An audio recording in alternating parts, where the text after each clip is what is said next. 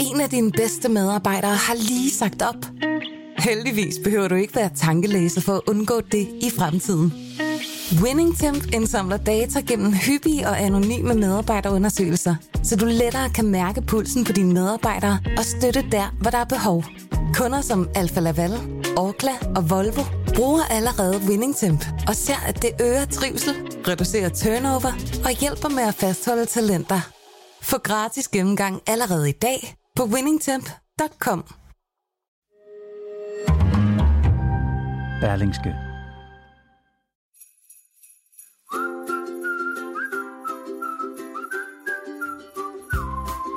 Kære lytter. Her på Pilestræde-redaktionen er vi gået på juleferie, men det betyder ikke, at du slipper helt for os. Vi har samlet en række programmer, som vi synes er værd at give et ekstra lyt. Og så er vi selvfølgelig tilbage med nye programmer til dig i begyndelsen af januar. Indtil da vil jeg bare ønske dig rigtig glædelig jul og godt nytår.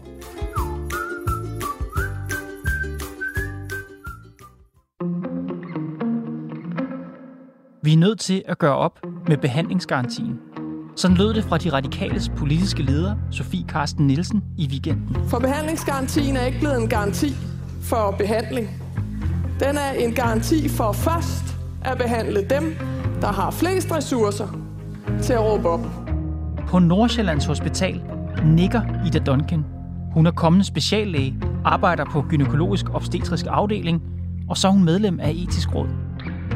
Ida vil også af med behandlingsgarantien, for den er medvirkende årsag til, at vi lader de mest syge i stikken, siger hun. Hvis de ikke er ved at forbløde lige her nu, så får vi ikke lov til at operere lige nu. Så bliver vi nødt til at sætte dem på en venteliste, hvor de så på den måde kommer bagerst i køen. Vi ved godt, at sundhedsvæsenet er presset. Men er det den rigtige løsning at tage en rettighed fra patienterne? Det taler jeg med Ida Duncan om i dag. Velkommen i Pilstred.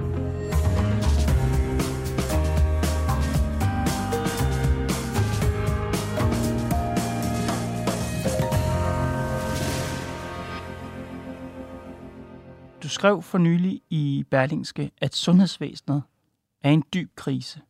Hvordan oplever du det på din egen arbejdsplads? Jo, men kan sige, hvis, hvis vi bare tager fat i nogle af de, sådan, jeg tænker sådan, de tre største udfordringer i det, vi står lige, i lige nu, jamen så øh, kan man sige, så har vi helt konkret lige nu, så har vi svært ved at fastholde personalet, og vi har svært ved at rekruttere nyt personale til de ledige stillinger, der er. Der har været talt rigtig meget om, at det her jo særligt rammer sygeplejerskerne, men det er sådan set også de andre faggrupper, der begynder at blive ramt af det. Vi har udfordringerne med jordmøderne, men vi har det faktisk også på speciallægebasis. Og så kan vi jo se også, at på sigt, jamen, så får vi også kæmpe udfordringer med social- og sundhedsassistenter og hjælpere også. Mm-hmm. Så det er ligesom sådan den ene udfordring i, hvordan kan vi sikre nok personale til, til det arbejde, der er derude. Så, øh, Må jeg ikke spørge dig om en ting der? Jo. Fordi du siger, at det er også et problem at fastholde folk. Hvorfor vil de ikke arbejde på afdelingen?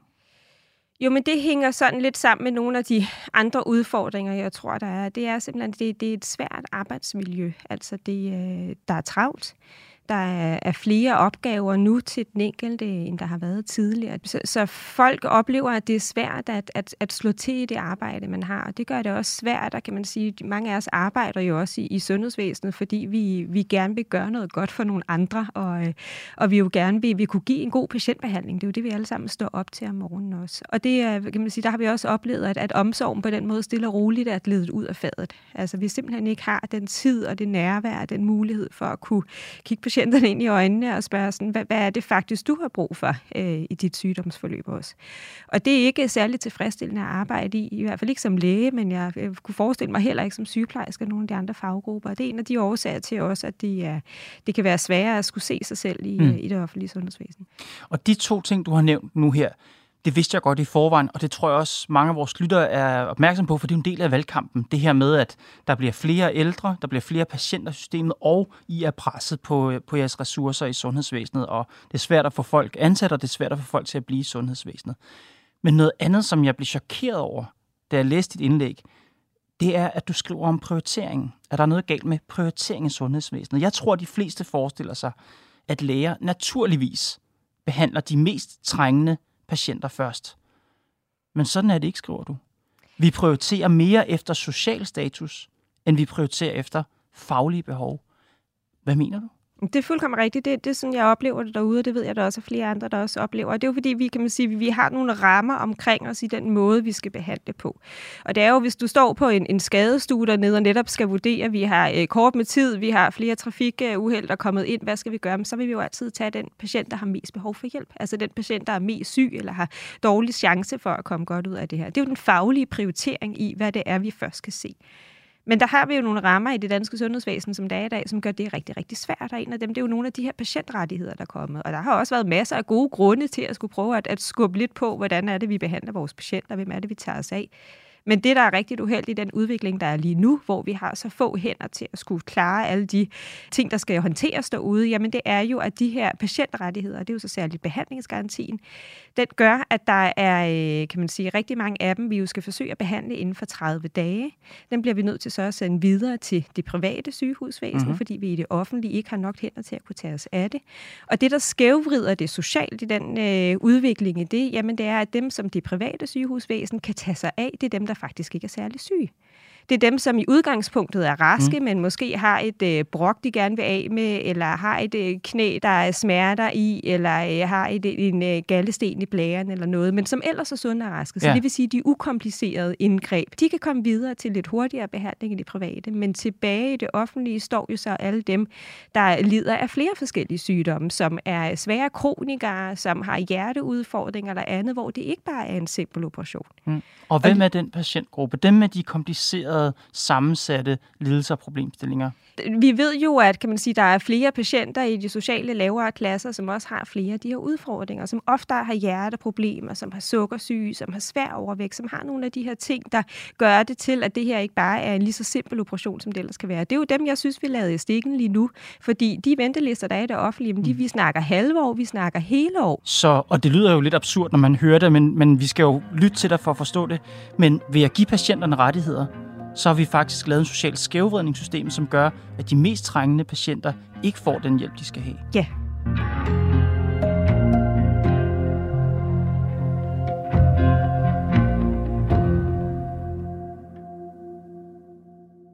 Du skriver, en væsentlig faktor er den demografiske udvikling. Altså, der kommer flere børn, der kommer flere ældre patienter selvfølgelig. Ikke? Og du skriver, allerede nu er filmen ved at knække. Vi har ikke ressourcer nok til reelt at behandle efter behov. Men jeg skal stadig forstå logikken, fordi du gav selv skadestue-eksemplet. Bare fordi det vælter ind med folk på skadestuen, så så skal man jo stadig lave triage, som det hedder. Man skal stadigvæk behandle de mest trængende først. Bare fordi I får mere travlt, hvorfor er det så ikke stadigvæk de mest trængende, I behandler først? Jamen det er det, vi har svært ved at gøre med de patientrettigheder, som det er nu. Selvfølgelig, hvis der ligger en og forbløder lige foran os, så er det ikke fordi, vi så, kan man sige, øh, vælger at prioritere tid på en, der skal have fjernet en gallesten, og så øh, sender dem videre i stedet for at tage os af de andre. Så vi har stadig tid til at operere de akutte patienter, og vi har tid til at operere de fleste kraftpatienter også.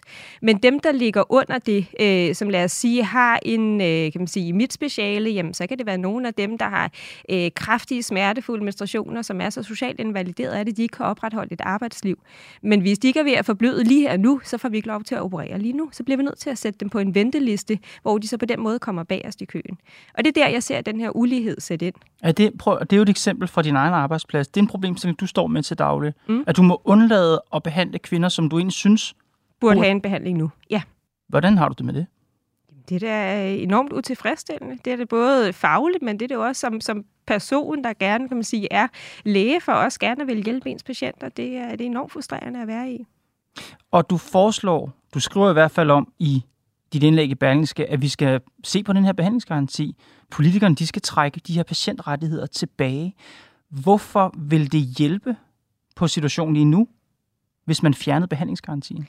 Altså, jeg tror, der, der, der er ikke bare sådan én ting, vi skal gøre. Der er mange forskellige ting, vi skal gøre. Men en af de ting, der udfordrer os lige nu, det er den her behandlingsgaranti. Og vi så jo, at vi måtte suspendere den lidt under coronakrisen også, hvor det stod værst til, fordi der havde vi heller ikke hænder nok til at kunne tage sig de udfordringer, der var. Så der så vi også den her skævvridning i, i social ulighed i sundhed, som vi netop står i lige nu også.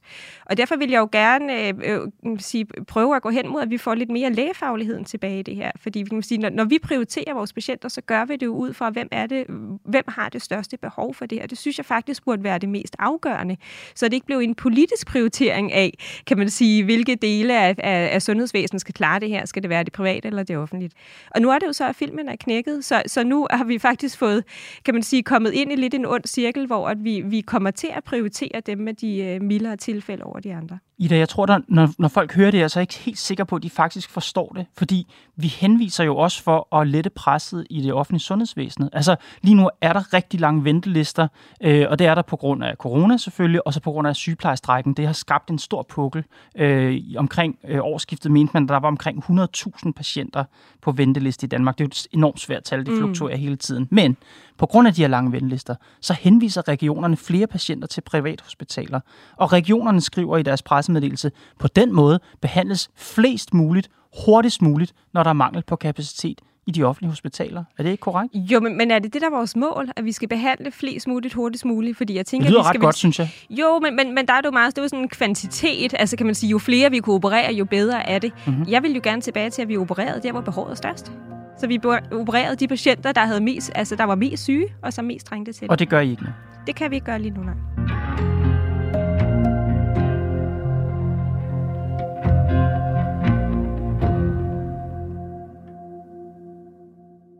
Jeg har talt med Morten Frejl. Han er direktør for Danske Patienter. Han er enig med dig i, at behandlingsgarantien er med til at skubbe til den her sociale skævvridning. Altså behandlingsgarantien er, øh, har været med til at skubbe til, at øh, dem med øh, de letteste sygdomme, de øh, bliver behandlet først, mens dem med de meget komplekse sygdomsbilleder, de får en dårligere behandling, eller de har længere ventetider. Og det er også ofte øh, dem, der har øh, den laveste sociale status i samfundet. Men han er uenig i, at det er en løsning og fjerne den? Hvis vi lukker øh, for strømmen øh, af øh, patienter, der bliver behandlet på private hospitaler, hvis vi lukker for den strøm via behandlingsgarantien, så vil vi samtidig åbne for en ny strøm af patienter, der bliver behandlet via deres sundhedsforsikringer. Det er sådan, at i dag der er der cirka 2,5 millioner danskere, der har private sundhedsforsikringer. Det er typisk patienter på arbejdsmarkedet, der har det via pensionsordninger osv.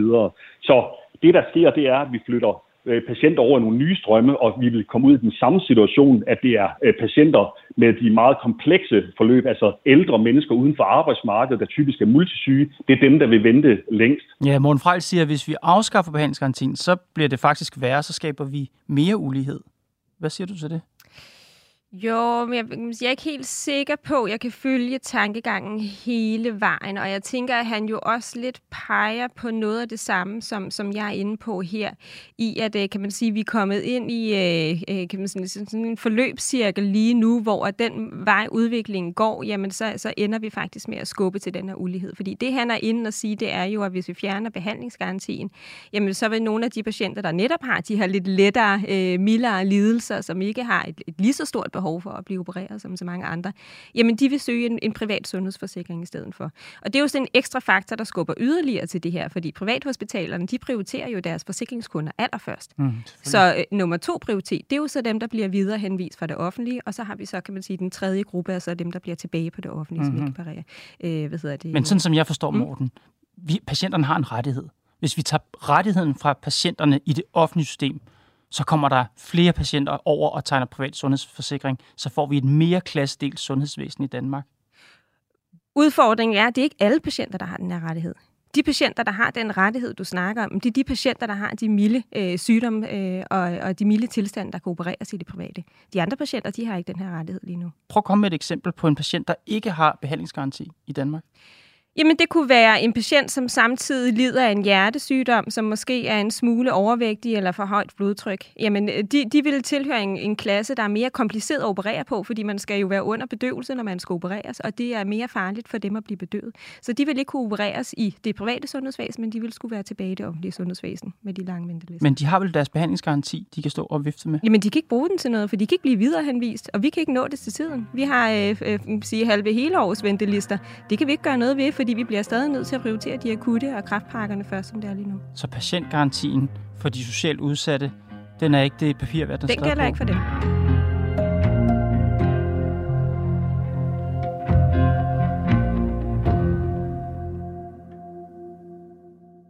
Men jeg vil gerne blive ved det her med behandlingsgarantien, og jeg tror også, det er fordi, for mange mennesker er det jo sådan en søjle i vores sundhedssystem, har været det i, over 20 år nu.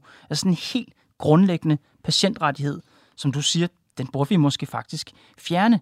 Men hvis vi gør det, så kan der også opstå et andet problem, mener Morten Frejl for danske patienter. Hvis man afskaffer behandlingsgarantien, så ikke alene øh, så skaber man jo en ny ulighed, men det kommer jo også til at betyde, at det pres, man har lagt på sundhedsvæsenet, som vi har set, efter man indførte den et måneds behandlingsgaranti, hvor ventelisterne blev kortere, jamen der øh, frygter vi jo så, at generelt set vil ventelisterne så blive længere. Så behandlingsgarantien, det vigtigste øh, grund, grund til, at vi skal have en behandlingsgaranti, det er, at der bliver lagt et pres på sundhedsvæsenet, og at vi rent faktisk får kortere gennemsnitlige ventetider. Ja, da man indførte behandlingsgarantien, der lagde man et pres på sundhedsvæsenet, som gjorde jer mere effektiv. Mm. Og hvis vi fjerner det pres, så får vi længe, længere ventetider igen, siger han. Jeg er ikke sikker på, at det vil betyde, at vi så laver arbejdsgangene om til at gøre dem mindre effektive, øh, som mål i hvert fald. Jeg tror da nok, vi vil holde noget af det her. Men jeg synes da også, at, at vi, vi bliver nødt til at tage en diskussion om, om vi, vi skal behandle lige så meget, som vi gør i det danske sundhedsvæsen i dag i fremtiden også.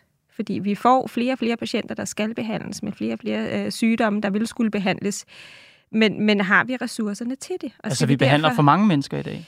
Ja, vi behandler også for mange mennesker i dag, og der er en masse af de behandlinger, vi har i det danske sundhedsvæsen, som vi ikke har særlig god evidens for, for effekt af. Og det er jo det, jeg snakker om i min øh, kommentar også, hvor jeg skriver, at der faktisk sker et større spild i det danske sundhedsvæsen, øh, som det Hvor stort er lige nu. Spild? Jamen 20 procent øh, er det estimeret. At 20 procent af de behandlinger, vi, vi udfører, dem burde vi faktisk ikke udføre, fordi de har ikke særlig god gavn. Nogle af dem kan direkte være uhensigtsmæssige, altså at der faktisk er flere bivirkninger eller komplikationer ved dem, end der er gavn. 20 procent af de mm. behandlinger, der foregår, de burde slet ikke foregå. Mm. Foregår de, fordi patienterne har deres rettighed, de kan stå og blafre med? Nej, jeg tror ikke nødvendigvis. Det her det handler ikke om, om uh, behandlingsgarantien eller udredningsgarantien. Det er mere fordi, kan man sige, vi er ved sundhedsvæsen. Vi er ikke særlig gode til at tage ting væk, som vi har gjort i, i, i mange år, at tage dem ud, selvom vi egentlig er lidt i tvivl om, de faktisk uh, virker for patienterne. Men Morten Frejls bekymring er ikke på mængden arbejde, laver. Morten Frejls bekymring er på hastigheden. Og han siger, at da man indførte behandlingsgarantien, der motiverede det sundhedsvæsenet til at blive væsentligt hurtigere.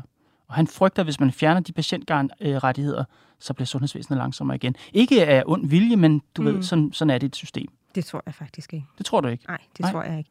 Men jeg synes også, at det er værd, at vi på et eller andet tidspunkt stopper op og siger, skal vi blive ved med at være hurtigere? Skal vi blive ved med at være mere og mere effektive, eller er vi ved at nå en grænse, hvor at, vi, at der netop, øh, kan man sige, sker for mange uh, uhensigtsmæssige uh, arbejdsgange derude, hvor vi ikke har omsorgen med?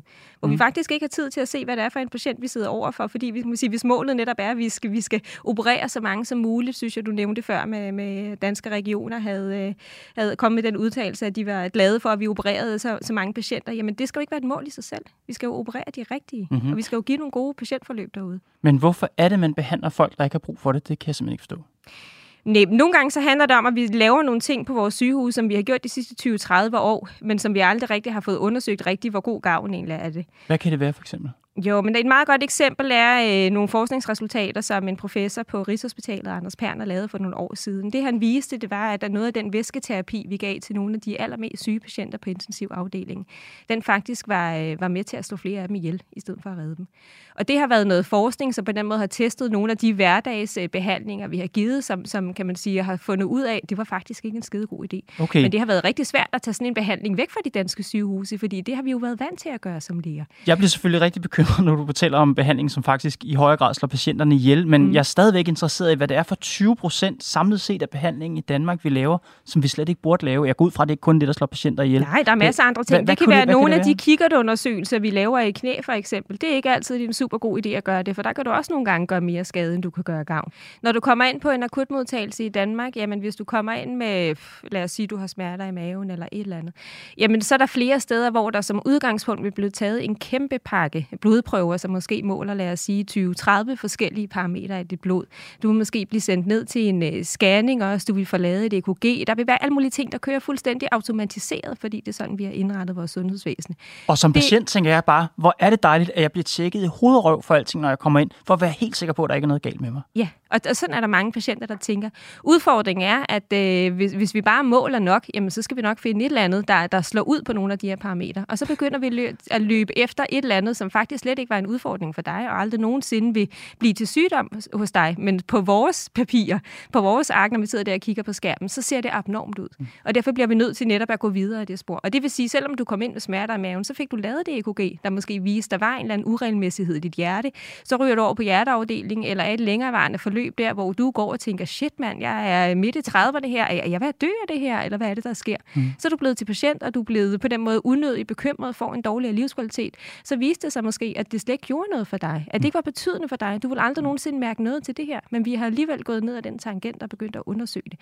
Det, og jeg hører, du siger, er der Ida, masser ja, på. Det, jeg hører, du siger, er, det er, at et af de kæmpe store problemer i sundhedsvæsenet, det er i virkeligheden, at vi som patienter har alt for høje forventninger til, hvad der ske, skal ske med os. Når vi kommer ind med helt simple ting, så forventer vi alt muligt af systemet. Og den forventning, den er gift for systemet. Det er ikke kun patienters forventning. Det er der helt sikkert nogen, der har, som, som han netop har, som, som du også havde som automatreaktion før. Jamen, jeg vil da gerne undersøges for så meget som muligt. Det er også også læger nogle gange, der kommer til mm. at gøre det, fordi det er lettere at behandle end ikke at behandle. Vi kommer til også nogle gange at udøve det, man kalder for defensiv medicin, fordi vi har siddet også med den der, hvad nu hvis, og skulle vi nu ikke lige, og lad os nu hellere bare. Så derfor så får vi måske nogle gange fået sendt dig videre til en CT-scanning, selvom der ikke sådan var super skarp indikation på det, fordi vi bare gerne vil kunne gå i seng om natten og tænke, bare jeg ikke overså det her.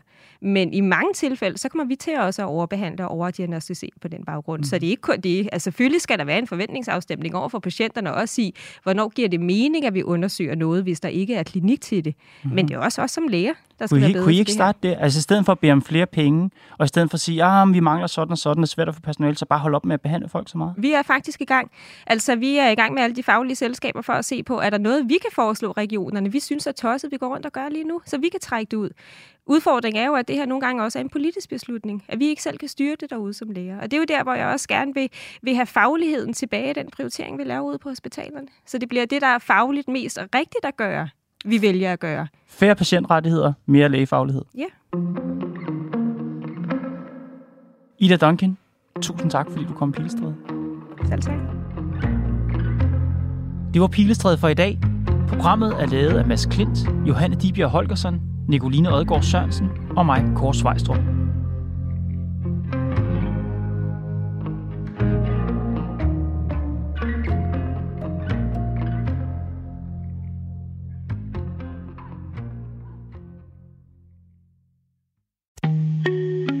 Af dine bedste medarbejdere har lige sagt op. Heldigvis behøver du ikke være tankelæser for at undgå det i fremtiden.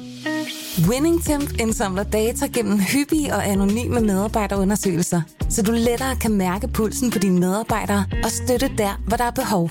Kunder som Alfa Laval, Orkla og Volvo bruger allerede WinningTemp og ser, at det øger trivsel, reducerer turnover og hjælper med at fastholde talenter.